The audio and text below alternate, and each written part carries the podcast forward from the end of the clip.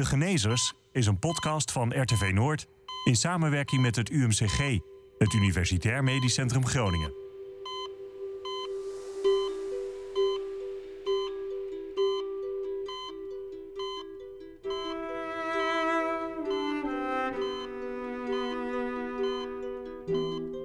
De Genezers is een podcast over ziekte en genezing, over dokters en patiënten, over methodes en ontwikkelingen in de medische wetenschap.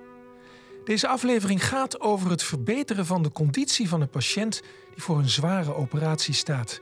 Prehabilitatie heet dat.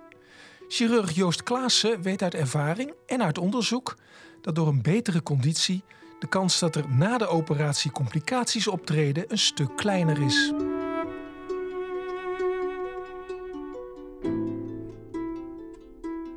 We gaan je helpen om voor de operatie beter te worden. En uh, ja, dan spreken we natuurlijk wel de verantwoordelijkheid van de patiënt ook aan om zelf daar actief in mee, te werken. Maar als mensen dat oppikken, uh, ja, dan zie je dat, dat, dat mensen ook heel, heel erg enthousiast worden. De mensen die aan het trainen zijn en zien dat ze beter worden en, en, en weten dat ze aan het werk zijn om de uitkomst van zorg te verbeteren. Ja, dat is ontzettend uh, mooi om dat, om dat mee te maken. Meneer Bakema uit Hoge Zand kon eigenlijk niet eens meer fatsoenlijk de trap oplopen.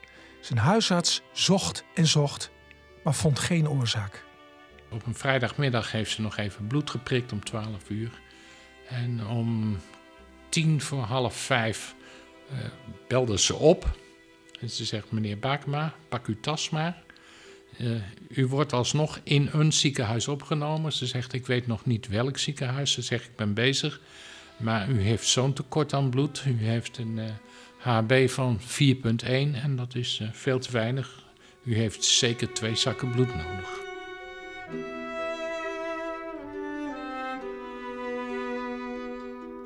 Ik beloof dat ik de geneeskunst zo goed als ik kan zal uitoefenen ten dienste van mijn medemens. Ik zal zorgen voor zieken, gezondheid bevorderen en lijden verlichten. De eed van Hippocrates, de belofte gedaan door professor Joost Klaassen, die zich sinds een jaar of acht intensief bezighoudt met prehabilitatie. Het belang van de conditie van een patiënt die een operatie moet ondergaan, is met name in Engeland op de kaart gezet. Ik denk dat, uh, dat Groot-Brittannië, uh, wat dat betreft, uh, de kroon spant. En, en daar komt ook eigenlijk het meeste onderzoek vandaan.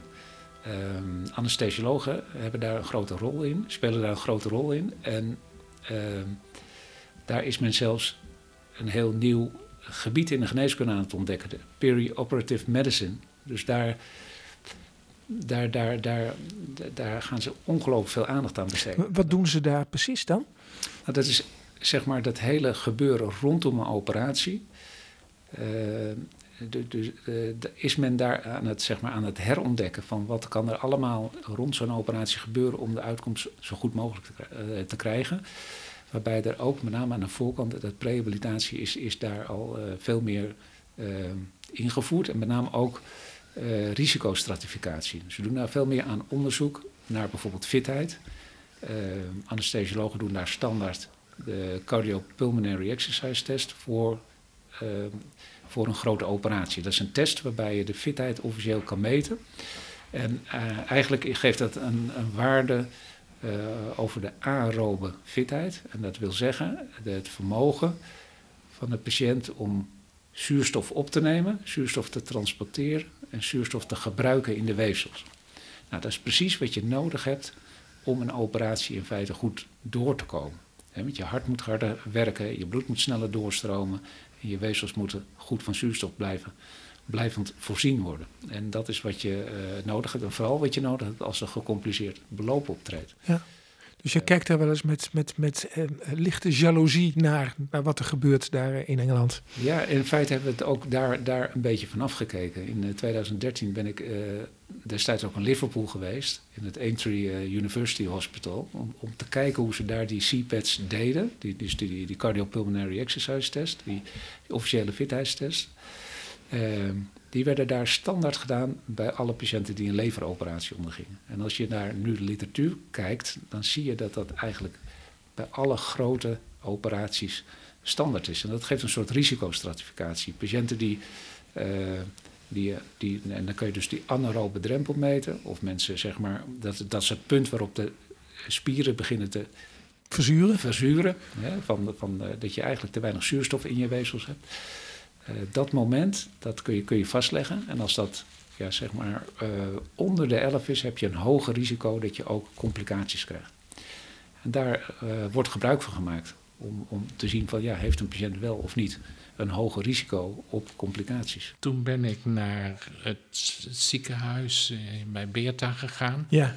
Het Ommerlander ziekenhuis. Het Ommerlander ziekenhuis. En uh, daar werd ik uh, gelijk opgenomen. En in die, dat was plus minus half zeven dat ik opgenomen werd. En toen kreeg ik uh, eerst twee zakken bloed en een zakje met ijzer. En, en toen voelde u zich meteen een stuk beter? En toen voelde ik me gelijk een heel stuk beter. Ja. Dus ik mocht die zaterdagmorgen weer naar huis. En uh, langzamerhand uh, werd het allemaal beter. Ook het vocht in mijn benen werd minder, het vocht achter de longen werd minder. Maar op een gegeven moment, ze wilden toch weten, waar komt dat bloedverlies nou vandaan? Ja. Dus op een gegeven moment kreeg ik een, een, brief na 14 dagen. En ze wilden een coloscopie doen en een gastroscopie. En uh, dat moest ook in het Ommerlanders ziekenhuis gebeuren. Dus je werd echt binnenste buiten gekeerd? Op uh, dat eerste moment hebben ze me goed onder, onderzocht. Ja. ja, ja. Um, en wat vonden ze? Um, nou, bij de coloscopie vonden ze eigenlijk niets. niets bijzonder zwaardig voor, voor een man van mijn leeftijd. Maar bij de gastroscopie, daar vonden ze toch wat op de papil van vater zitten. Dat is uh, wat ik heb begrepen, de, de uitweg, het, kraantje waar, waar, de gal en de alvleeskliersappen in de dikke darm komen. En daar zat een, uh, een papil, uh, zat erop, een papil, een adenoom zat erop. Zat erop en daarvan kreeg ik veertien dagen later de uitslag daarvan. Het was foute boel. Dat was nog niet echt foute boel. Dat was uh, hooggradig en uh, laaggradige vergroeiingen. En als het uh, wat langer zou duren, zouden, zouden die toch doorgaan met groeien. En toch op een gegeven moment zouden ze kanker ontwikkelen, zei de dokter daar in het ziekenhuis. Dus er moest wel ingegrepen worden? Er moest zeker ingegrepen worden. En daarvoor werd ik doorgestuurd naar het UMCG.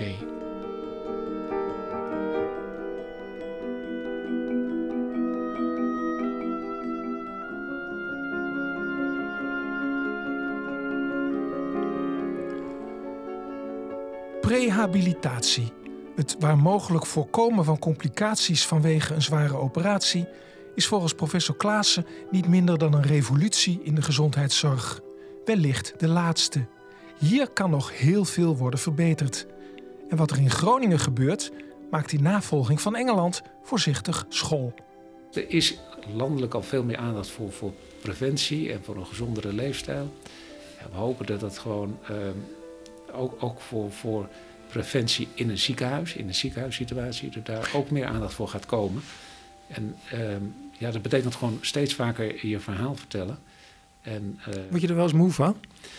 Ja, daar word ik soms wel eens moe van. En soms snap ik ook niet helemaal waarom anderen het niet begrijpen. Maar ik heb ook wel geleerd dat je het, ja, de, de ogen van anderen gaan open door, doordat je, jij dan het voorbeeld moet geven. En uh, wij geven het voorbeeld door dat we bijvoorbeeld onze polykliniek zo hebben ingericht dat als patiënten bij ons komen, dat ze dan eerst bij de prehab poly komen, rehabilitatiepoly, waar al die domeinen die, die ik eigenlijk al genoemd heb, hè, de, de, de fitheid, de voeding, de mentale weerbaarheid, dus waar we naar kijken, naar de comorbiditeit, de andere ziektes die een patiënt heeft. Bloedarmoede kan hebben, kan, kan suikerziekte hebben, daar kijken we naar. En, uh, en zeg maar de, de, de, het rook- en drinkgedrag. Dat, dat werkt heel goed. En uh, we zien dat anderen daar nu ook enthousiast over worden en aan ons vragen van hoe, hoe zit dat bij jullie? Kunnen we dat misschien niet overnemen? Ja. ja, dus op die manier hoop ik het, land, het zeg maar ook te kunnen verspreiden. Ja, je hoopt op een omslag, maar zie je het ook gebeuren? Ja, Kijk, het is, het is geen eens een, een omslag. Het is echt, dit, dit is de, misschien wel de laatste revolutie die we kunnen hebben als je kijkt naar de, de, de, uitkomst van zorg. we hebben natuurlijk, afgelopen jaren is er van alles gebeurd. We hebben uh, centralisatie van zorg gehad. Uh, weinig voorkomende operaties met een hoge kans op complicatie. Die zijn gecentraliseerd in bepaalde ziekenhuizen. We hebben de nationale verplichte kwaliteitsregistraties. Wij als chirurgen noteren van elke patiënt belangrijke gegevens over die operatie in een landelijke database, zodat je je spiegelinformatie ook weer terugkrijgt uh, hoe jij doet als zorgverlener ten opzichte van, van, van, van de, de andere ziekenhuizen. Uh, dat heeft er zeker toe geleid dat de resultaten ook beter zijn geworden. En we hebben sneller beter programma's de afgelopen jaren geïntroduceerd. Waarbij mensen door een minder diep dal gaan naar de operatie en sneller beter worden. En binnen die uh, die ERAS-programma's is bijvoorbeeld de kijkoperatie, of nu zelfs de robot-geassisteerde kijkoperatie, dat is eigenlijk gemeengoed geworden. Dat wil zeggen minder weefselschade bij de patiënt. Daardoor zijn die getallen allemaal veel beter geworden. De uitkomst voor de patiënt is beter geworden. Er is nog maar één kans om, om nog een verbeterslag te maken, in mijn ogen. Een heel belangrijke kans. En dat is die aan de voorkant die prehabilitatie in te voeren. Ja. Dan zul je zien dat je nog een keer een verbeterslag krijgt. Ik mag altijd graag weten welke, welke artsen ik heb en welke doktoren. Dus ik heb uh, dokter Klaassen opgezocht op internet. En toen heb ik de oratie gelezen van dokter Klaassen. En daar kon ik me heel goed in vinden. Dat uh, gaat erover dat, dat je als patiënt nog niet echt ziek bent op het moment dat je geopereerd werd. Maar dat het ziekenhuis al vaak deed, of dat je ziek werd. Ze stopten je in een bed je werd ineens werd je patiënt, terwijl je het nog niet was. Je zou eigenlijk de volgende dag zo naar de operatiekamer kunnen lopen. En dat had ik gelezen in de oratie van dokter, uh, professor Klaassen. En ook nog hoe hij het zag na de operatie. En na het uh, consult bij professor Klaassen, die uiteindelijk de goedkeuring gaf voor de operatie, werd uh, uiteindelijke datum voor de operatie werd vastgesteld. Ja, maar uit, uit die oratie bleek dus dat hij wil het heel anders. Hè? Hij wil dat, dat uh, mensen zoals u oefenen, toch? Ja, dat, dus dat had, ik, dat had ik ook gedaan. En ik, daarom was ik ook zo blij dat al die waardes uh, omhoog gingen. Ja, ja dat, ondertussen had professor Klaassen een, een afspraak geregeld met de geriater. We zijn hoe ik zo'n grote operatie, of ik die aankon geestelijk en of ik daar door kon komen. En toen zijn we beide een uurtje of twee, drie bij de, op de geriatrische afdeling geweest. En daar zijn allerlei gesprekken hebben daar plaatsgevonden met ons samen. Privé met mijzelf, privé met mijn, mijn vrouw, waar ik dan niet bij was. En nou, al met al had ik dus de goedkeuring voor de operatie. En op 11 september ben ik geopereerd. Wat is er voor nodig om, uh, om nog veel meer mensen uh, in de gezondheidszorg, en met name de mensen die uh, ja, beslisbevoegdheid hebben, om die zover te krijgen in hun denken als jij al bent? En zeggen van tuurlijk moet dit gebeuren. Ja, het is misschien, dat is ook een beetje het lastige. Misschien is het wel te logisch wat, we beogen. Um, maar je moet wel zo zien, er is nu heel veel aandacht voor primaire preventie. Dat was een poosje geleden ook niet, maar primaire preventie van ziektes, gezond leven, uh, daar is steeds meer aandacht voor. En wij beogen gewoon meer aandacht voor de tertiaire preventie. Voor preventie van gecompliceerd beloop en van de ernst van de complicaties. dus ook in een ziekenhuis waar mensen komen waarvoor primaire preventie eigenlijk te laat is. Want ze zijn al ziek geworden, ze moeten geopereerd worden. Ja. Voor die mensen is er ook nog heel veel te winnen. En we hopen natuurlijk dat, uh, dat ook die gezondere leefstijl die wij, uh, ja, die, die aangestipt wordt uh, bij ons screeningsproces. Hè, want we, we, we, vragen natuurlijk van wat beweegt u, wat, wat hoeveel beweegt u, wat doet u aan sport, et cetera. En ehm, eh, ja, we vragen naar rookgedrag, naar drinkgedrag, en, eh, we vragen naar de voedingsgewoontes. ja, door daar heel veel aandacht aan te geven, op het moment dat mensen daar wat vatbaarder voor zijn, want de diagnose kanker is gesteld, ze moeten geopereerd worden. Wij hopen gewoon dat daarmee voor die mensen het begin ontstaat van, van, van een gezondere leefstijl, die ze ook na de operatie kunnen, kunnen aanhouden. Nou bent u eh, niet meer de jongste. Nee, ik ben eh, op dit moment. eh, van- vorige week ben ik eh, 75 geworden. Van harte gefeliciteerd. Dank u vriendelijk. Maar iemand van 75 kan dus ook met een beetje oefenen zijn conditie, zijn algehele welzijn heel erg verbeteren. Ja, dat denk ik wel. Het, het gaat misschien wat, wat langzamer dan eh, toen je jong was. Maar als, als ik naga dat ik eh, drie jaar geleden nog eh, twee volkstuinen kon onderhouden. Die van mezelf en van een vriend eh, die ernstig ziek was. Eh, en die kon ik rustig spitten en bijhouden, planten, oogsten voor hem. Dat ging, al, dat ging allemaal prima, maar het liep zo hard achteruit dat ik zelfs het laatste paadje niet, meer- niet meer schoon kon krijgen van, van het vuil en van het gras. Het, het, het was heel erg. Ja. En nu, nou, de tuin ligt er weer eh, redelijk bij. Ik, eh, ben bij, maar het is maar een klein tuintje hier natuurlijk. Maar vergeleken met mijn volkstuin. Maar nu, eh, ja, ik ben er weer. Ik doe alles. Dat moet een goed gevoel geven. dat geeft ook een heel goed gevoel. Ik ben daar ook heel blij mee Ja. dat die operatie gelukt is. Ja.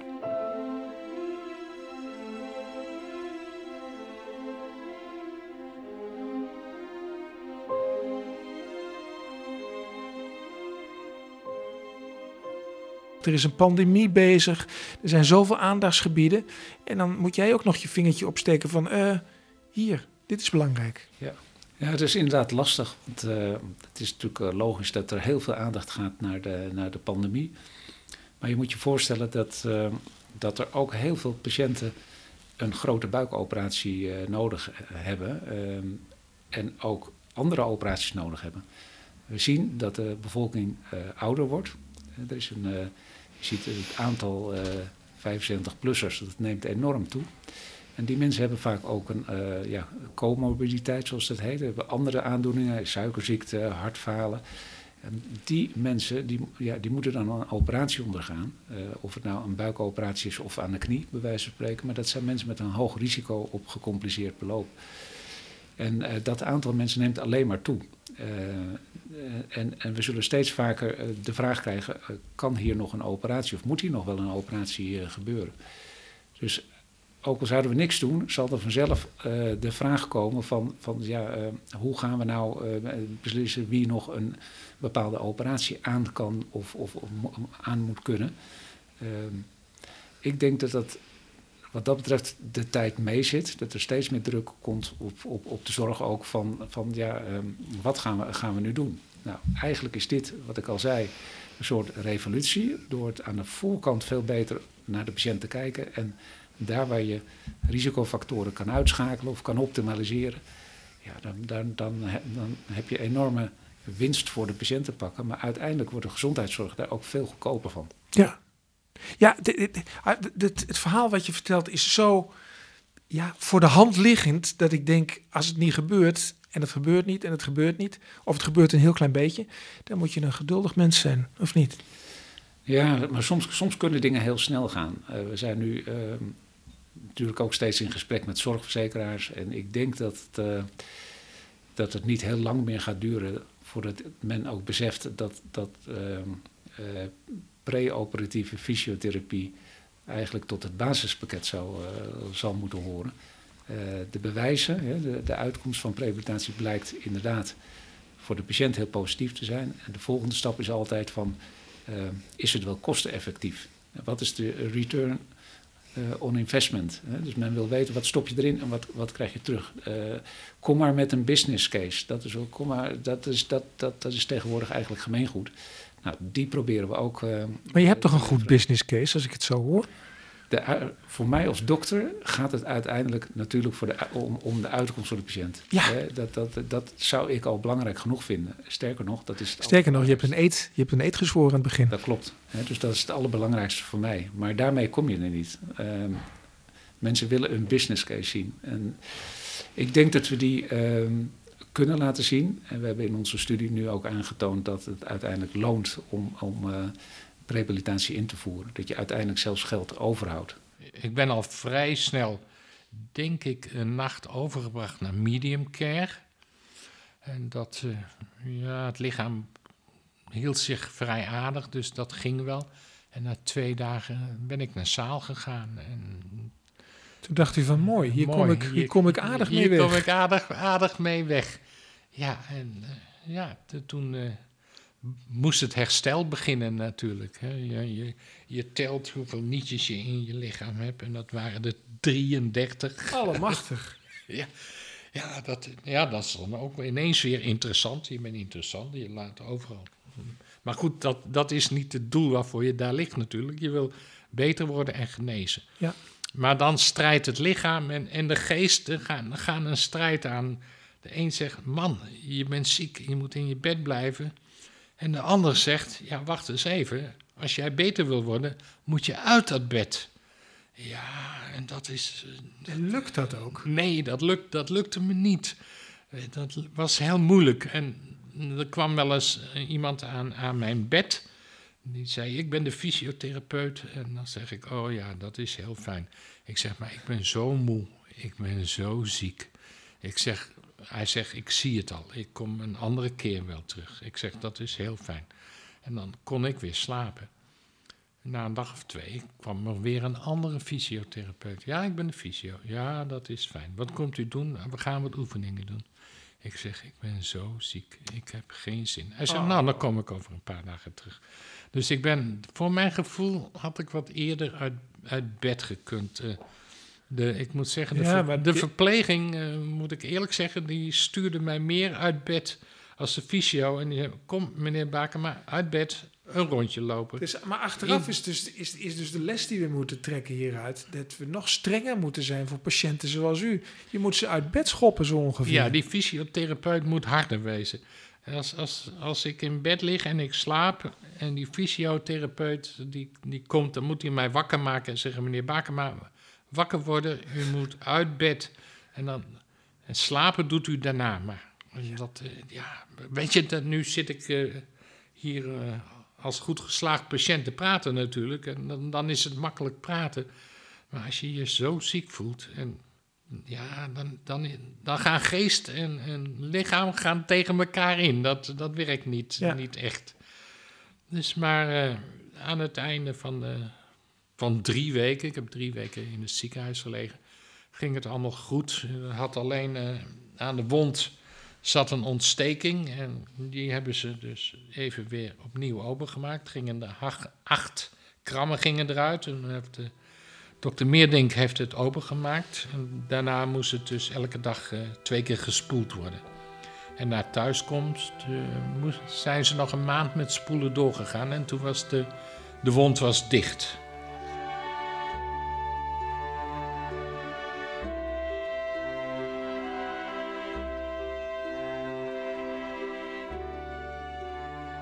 Wij kijken eigenlijk met een, met een heel kort, als chirurg natuurlijk heel kortzichtig. Hè. Je kijkt naar de eerste, de eerste vier weken na een operatie wat er complicaties zijn. Maar ja, als je eenmaal complicaties hebt, heb je daar als patiënt echt heel erg lang last van. Eh, eh, de- kun je ook na, na een jaar nog last hebben van spierzwakte. En misschien zit je wel in, in een verpleeghuis terwijl het anders niet gehoeven had. Ja. Dat zijn die dingen die, je- die je dan ziet. Voor meneer Bakema lijkt het ergste achter de rug. Wel heeft hij suikerziekte ontwikkeld en veel last gehad van een slijmbeursontsteking. Maar het voorjaar lonkt. De tuin en het tuinieren gaan voor veel plezier zorgen. De oud-marineman is blij dat hij een paar jaar geleden de overgang van Den Helder naar Groningen heeft gemaakt. Als ik dit allemaal in Den Helder had moeten doen, dan had ik naar Antonie van Leeuwen gemoeten. Of ik had naar Utrecht gemoeten. Dus dat, en dan eh, waren de, nou, dat was voor de kinderen ook heel verdrietig geweest als, als Ja. vader zo ver weg zat in het ziekenhuis. Ja, Voor waar- mijn vrouw ook, hè, want het, je moet wel naar eh, Amsterdam rijden, dwars door de files heen. Dus, en nu, eh, je rijdt hier op de A7 en je rijdt zo de, de ondergrondse garage van het UMCG binnen. Ja. En binnen, binnen 20 minuten sta ik aan de balie bij het UMCG. Ja. En hetzelfde geldt ook voor het Ommelanden ziekenhuis. Hebben ze u goed behandeld hier in Groningen? Ja, ziekenhuis? ja, ze hebben me heel goed eh, behandeld. ik ben daar eh, zeer tevreden over, ja. Ja. Ja. Hoe ziet u nou de toekomst? Want kijk, eh, dit is iets wat, wat laten we zeggen, goed- relatief goed is afgelopen. Behalve dat er nou die vervelende suikerziekte bij is gekomen. Als er geen verdere kwaaltjes bij komen, gaat het prima zo. Ja. Ja. Ik, nee hoor, ik, ik ben blij dat ze me onder controle houden de eerste vijf jaar. Want ik ben, ik ben er niet bang voor, voor die ziekte. In, in geen opzicht. Als het komt, eh, komt het. En als het wegblijft, ben ik erg blij. Ik, eh, ik heb een ander soort angst gehad als mijn vrouw en, en mijn kinderen, heb ik het gevoel. Het, eh, ik ben nooit bang geweest. En dus ook nu niet naar de toekomst kijken. Niet, mevrouw Bettes zegt, mevrouw, eh, meneer Bakema, over vijf jaar eh, zien we elkaar wel weer. En eh, niks, niks aan de hand. Ik zeg, dan is het goed. Maar dat, maar dat, dat fit blijven en dat oefenen, dat, is, dat blijft. Of niet? Ik weet niet hoe het gaat, verder gaat verlopen met, met de fysiotherapie. Want die slijmbeursontsteking zit er in de verte nog wel. Dat blijkt een spier te wezen die, die een beetje lui is. Dus daar wordt aan gewerkt. Hoe lang ik ermee door kan gaan met de fysio, weet ik niet. Als de tuin, het werkzaamheden in de tuin, de fysio overneemt, dan kan de fysio stoppen. Maar ik wacht op echt lenteweer. En dan, eh, dan gaan we fanatiek hier buiten bezig. Deze podcast is gemaakt door Janneke Kruse en Marjolein de Winkel van het UMCG. Techniek Meralda Smit. Mijn naam is Pieter de Hart. Er zijn meer afleveringen van De Genezers.